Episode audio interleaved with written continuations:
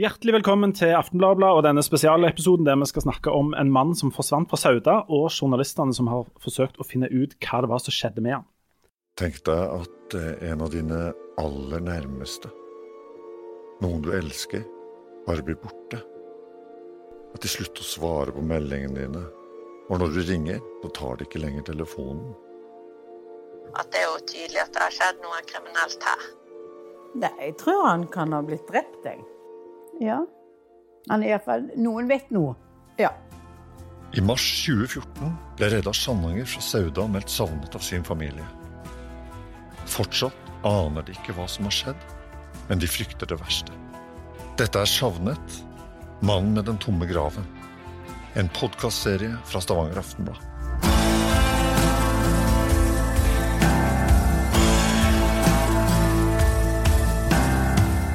Jan, vet du hvor mange som er meldt savna i Norge sånn omtrent akkurat nå? Nei. Nei. Men det eh, vet gjesten vår i dag, eh, Hans Petter Aas, hjertelig velkommen. Tusen takk for det. Eh, hvor mange er det som er forsvunnet i Norge til enhver tid?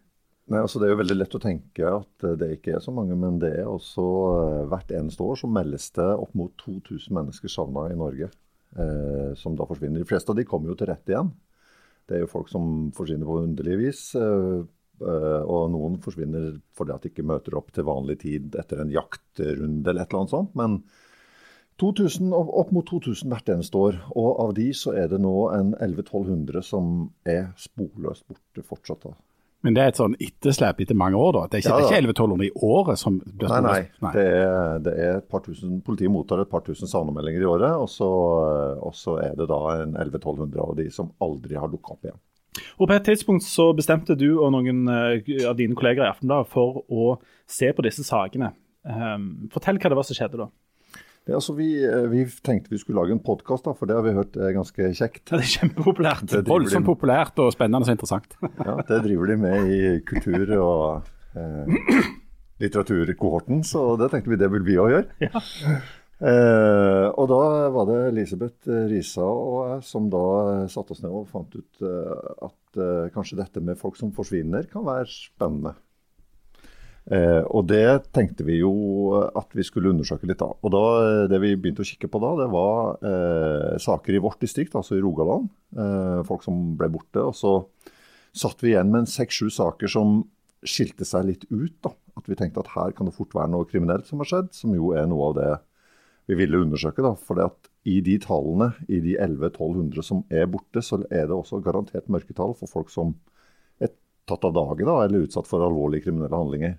Så vi plukka ut en seks-sju sånne, og så endte det opp med at vi valgte da Altså, Opprinnelig så var jo tanken å gjøre dette veldig enkelt. At vi skulle bare ha en seks-sju eh, episoder med eh, altså, på hver, altså en sak eh, i hver episode.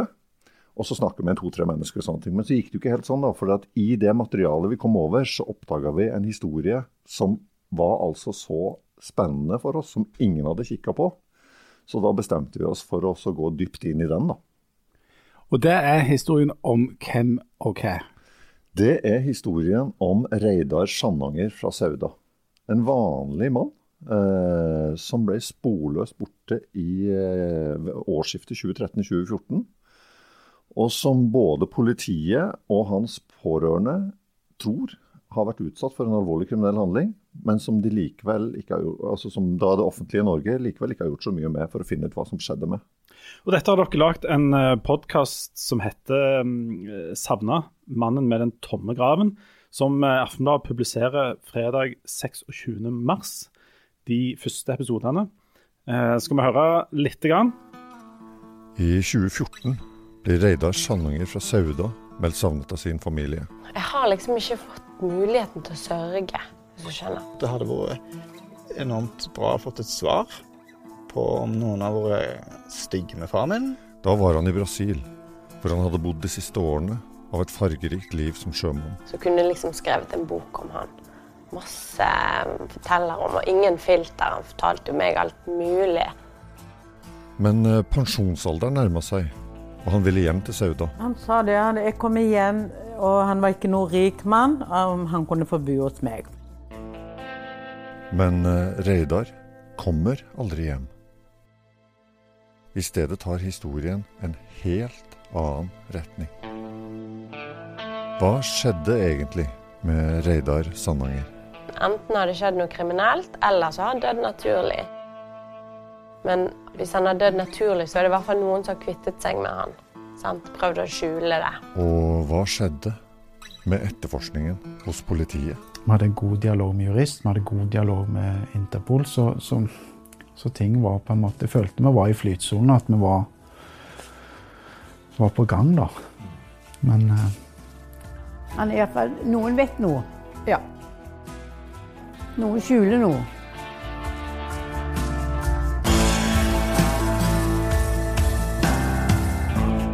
Dette er Savnet. Mannen med den tomme graven. En podkastserie fra Stavanger Aftenblad. OK, eh, Hans Petter, hvem var Reidar? Altså, Reidar Sandanger var en eh, vanlig mann fra Sauda. Han var sjømann. eh, som eh, eh, vokste, han, han var 66 år da når han forsvant. Eh, og da hadde han jo levd et altså Det er jo det som er sant når du begynner å se på folks liv. Så ser du jo at, eh, at alle mennesker har historier å fortelle. Og Reidar han hadde levd et liv. Altså Han hadde vært sjømann eh, siden 60-tallet. Og så hadde han gått i land på, på 80-tallet for bl.a. å drive hotell i Sauda. Grand Hotel Manila, for dere som er kulturinteresserte. Som, eh, Det har skjedd ting. Kjartan Fløgstad har eh, skrevet bok om, om det. Eh, vel en av hans mest kritikerroste romaner. Og Det har altså Reidar da drevet. Men oppi alt dette så var han jo en levemann. da. Han eh, visste å nyte livet. Og eh, vi har jo da i den forbindelse bl.a. da når vi har gått inn i Reidar sitt liv, så har vi avslørt eh, lø Vi har funnet løsningen på en av de store krimgåtene i, fra Stavanger fra 1960-tallet.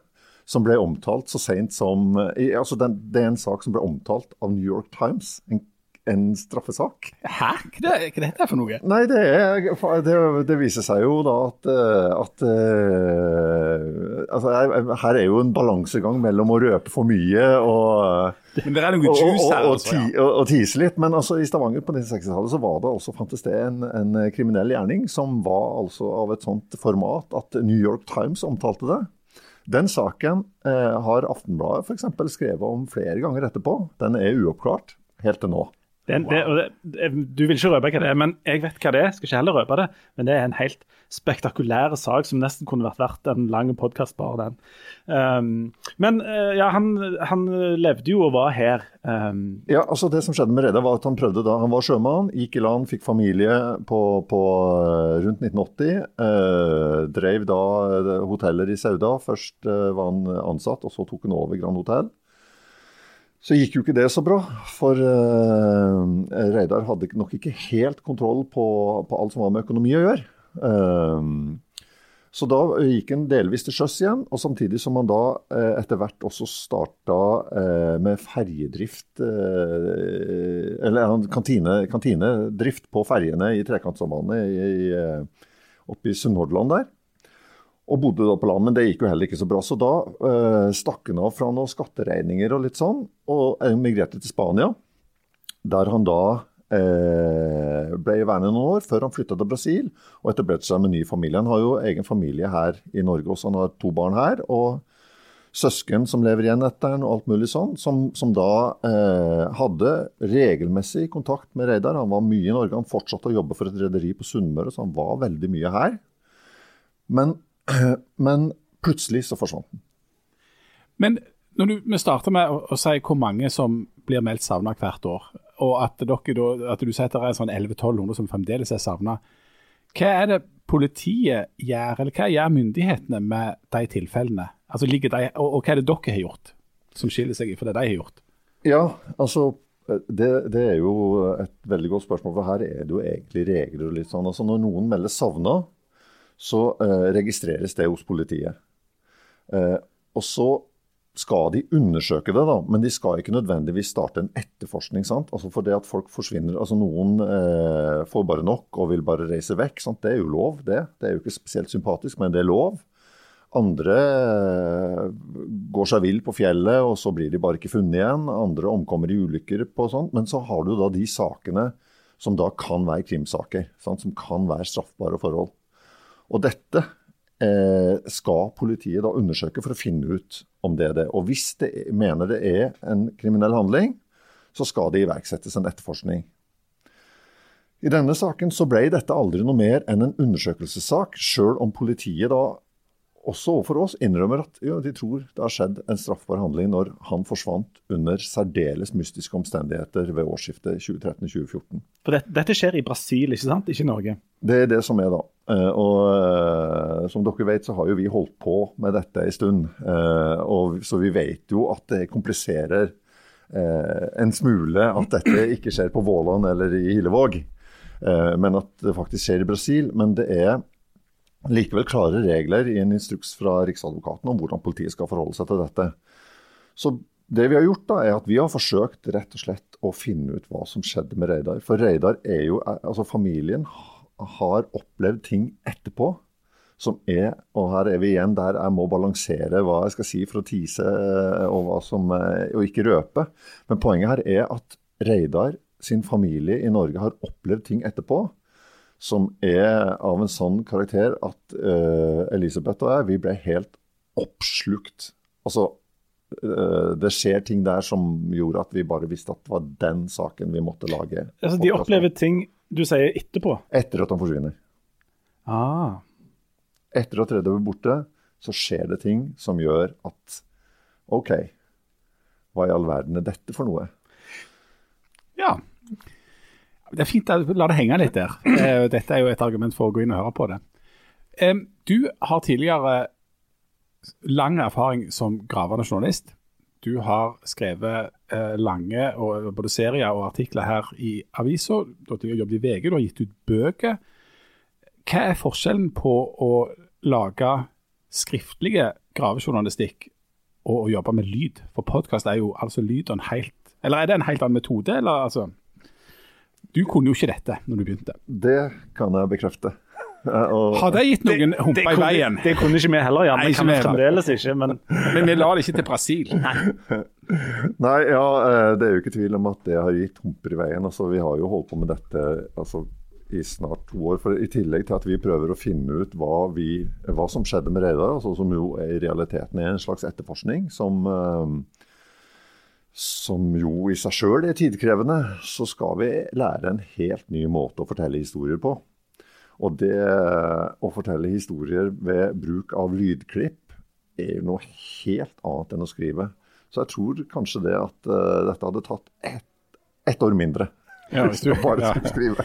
ja, for det er jo det som er noe av forskjellen. at Hvis du sitter og studerer dokument og du snakker med folk og alt det greiene der, og har styr selv på hva du skal skrive ned, hvordan du skal fortelle den historien i ei avis eller i ei bok, så skal du i prinsippet ha fortalt historien gjennom lyd som da forteller det samme som du ellers kunne ha skrevet ned.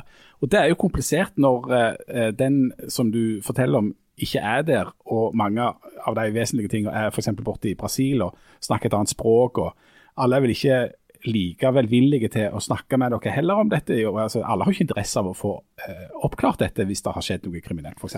Altså det som har vært veldig interessant, er at folk har vært veldig interessert i å prate med oss. Også i det miljøet som vi etter hvert ender opp i med tanke på kanskje å finne en løsning. Har det vært interesse. De som har vært vanskeligst å få tak på, det er politiet i Brasil. Det tok meg et halvt år å få et svar derfra. Så, så, så det. Men, men, det som er annerledes med podkast altså Dette er jo eh, en slags featurefortelling. Altså Det er en reportasje eh, der vi må ta hensyn til hvilke lydklipp vi har. Eh, og det er jo en altså Lyden må passe til historien. Altså Vi skriver historien opp mot de lydklippene vi har. Og det var jeg tror vi har gjort alle feil som kan gjøres underveis her også. Hvis du skal ha en sånn toppliste over de feilene dere har gjort? ja, Den største feilen, eh, det var jo at eh, vi ikke Altså, vi har jo fått med oss en produsent som er utrolig flink og viktig for prosjektet, Rune Vanvik. Han var jo ikke med fra begynnelsen av. Eh, det var nok litt dumt at ikke han var eh, mer med fra begynnelsen av. For det, betydde jo at vi måtte ta opp all lyd og sånn sjøl. Og, og, ikke minst Det er en helt annen måte å tenke på, som sagt. Og en av de tingene vi gjorde som kosta oss nok et par-tre måneder, det var jo at vi hadde jo en 100-140 timer med lydopptak som Rune aldri hadde hørt før. Eh, når han kom inn i prosjektet. Og det er klart det at eh, Alle som lager den type produksjoner, de, eh, de, kan fortelle at ja, men når noen kommer inn sånn, så, og du skal lage lydklipp og du skal finne igjen lydklipp, og sånt, så er du nødt til å transkribere alt som er sagt. Det må skrives ned med tidskode, sånn at du kan finne det igjen. Og vi hadde jo ikke notert ned et eneste ord i en sånn tidskode, så, så vi satt vel tre måneder tror jeg, og, og, og skrev ned samtale, intervjuene vi allerede hadde gjort med tidskoder. Det, følte, det, føltes ikke så bra. Ja, Dette har jeg faktisk litt personlig erfaring med, selv om jeg jo ikke er i nærheten av å ha brukt så mye tid som deg. Men når vi lagde, meg og, og Finn Våga, den serien som heter 'Forbudte stemmer', som det går an å høre ennå, og den er ikke opplytta, den, for å si det sånn. Og den er ikke så dårlig som du skulle tro? Nei, den er ikke så dårlig som du skulle tro. Men, men det at du, hvis du skal lage lydfortelling, at du skal tenke på at du skal ha lyden av det miljøet der du er. Du må starte opptaket litt før for å få på en måte lyden av en, en drøss med ting. Du må markere, og du må være veldig nøye på å ha oversikt over hva det er du har lyd av, for at dette da skal klippes sammen etterpå. Sånn at jeg forstår, eh, jeg, jeg ser veldig godt at hvis dere sitter med 100-140 timer med variabel lyd, har jeg òg forstått. Eh, en del tatt opp i ei mens en mikrofon lå i veska, forsto jeg? Nei, jeg fikk ikke sagt om en mikrofon lå i veska, men det viste seg å være ei vifte i det rommet som uh, var litt tett på. Ja, for, det, for sånt, det er jo sånt du ikke går rundt og tenker på. Og det tenker du ikke på når du skal skrive ei bok eller skrive en tekst, for da har du jo kontroll på alt det greiene der. Så det er jo um, det er interessant, og det er jo learning by doing, ja. Uh, det kan du si. Ja. Du, si. kan vi tilbake til denne, til, til, til denne det, det, som dere i praksis har gjort, er jo en slags, slags etterforskning. sant? Ja. Um, hva kan journalister i en sånn sak gjøre som politiet enten ikke velger å ikke gjøre, eller ikke kan gjøre? Altså, altså Politiet har jo strenge regler. Sant? Det sier seg jo sjøl at politiet i Norge kan ikke reise til Brasil og etterforske denne saken. Sant? Det skal gjøres av politiet i Brasil. Jeg vet ikke om dere har fått det med dere, men eh, i Brasil er det en del drap. Det har jeg altså. Og det, altså, det, som er litt spesielt her, da, er at Reidar forsvinner i et område av Brasil som altså er et av verdens mest voldsutsatte land. Eh, men i det området Reidar forsvinner, det er et av de mest voldsutsatte områdene i det mest voldsutsatte landet. liksom. Så det er, de, de politifolkene som jobber der, de har litt å gjøre. Så de bør helst få vite da at norsk politi sitter og tenker at hm, her har det skjedd noe kriminelt. Men eh, det har de faktisk ikke gjort. For det at eh, det skal da skrives en sånn begjæ såkalt begjæring om etterforskningsbistand til det landet som norsk politi vil ha etterforskning i, og det har ikke skjedd. Og det kommer vi litt inn på både i podkasten og i, eh, i uh, artikler som skal følge denne serien på Aftenbladet. Uh, vanlige skriftlige artikler som vi også lager masse av eh, hvorfor det ikke skjedde. Og det er jo en egen historie i seg sjøl. Men, men, myndighetene i forskjellige land har helt klare regler for hvordan de skal opptre. Mens vi som er journalister, vi kan jo reise rundt og snakke med hvem vi vil, når vi vil. Og så har jo ikke vi de samme tvangsmetodene. Vi kan ikke varetektsfengsle noen eller eh, på noen som helst måte bruke noe pressmiddel. Vi må bare forsøke å få folk til å prate. Men, men dere var i Brasil rett før eh, svartedauden eh, la verden dø. Um, fortell litt om hva dere gjorde eh, når dere kom til Brasil. Eh, ja, altså Vi hadde jo da eh, jobba med saken noen måneder allerede, så vi hadde jo noen personer vi tenkte vi måtte prøve å snakke med. Eh, kunne vi eh, rett og slett komme, altså, komme, i kontakt med folk som visste noe om Reidar og hans forsvinning? Kunne vi finne opplysninger som gjorde at eh, vi tok denne saken videre? Eh, for det som er litt spesielt altså Reidar var en vanlig mann. sant? Man kan jo tenke seg Hvis han hadde vært en rik forretningsmann eller en eh, backpack, ung backpacker på, på tur, eh, vakker kvinnelig student, et eller annet, så hadde denne saken fått mer oppmerksomhet. Eh, da hadde både medier og politi antagelig gjort mer. Dessverre, så kynisk er verden. Men Reidar var en vanlig mann. Men han har familie her i Norge som rett og slett har vanskeligheter med å komme videre i livet fordi at de lurer så på hva som skjedde med faren. Eller med broren. Altså, eller med kompisen. Hva er, hva er, dette for noe? Hva skjedde med altså, Vi har noen intervjuer med familien hans her som ganske, eh, altså, forteller litt om hva de går igjennom. Da, for at de får ikke de svarene som gjør det mulig å gå videre i livet. Så et av målene våre var jo å forsøke å finne ut hva som skjedde med Reidar, og hva som kan ha skjedd med Reidar, og hvem som eventuelt kan ha gjort noe med Reidar, hvis det er en straffesak, sånn som politi og familie tror. En annen forskjell på politiet og det å være norske journalister borte i Brasil, i den mest voldsutsatte regionen i det, et av de mest voldsutsatte landene i verden, er jo at politiet med sine uniformer og sitt politikorps har en ganske på en måte sterk beskyttelse. Det har jo ikke dere når dere kommer reisende bort sånn. Var dette farlig på noe tidspunkt når du skal inn i sånne eventuelt kriminelle miljø og begynne å, å, å undersøke om drap?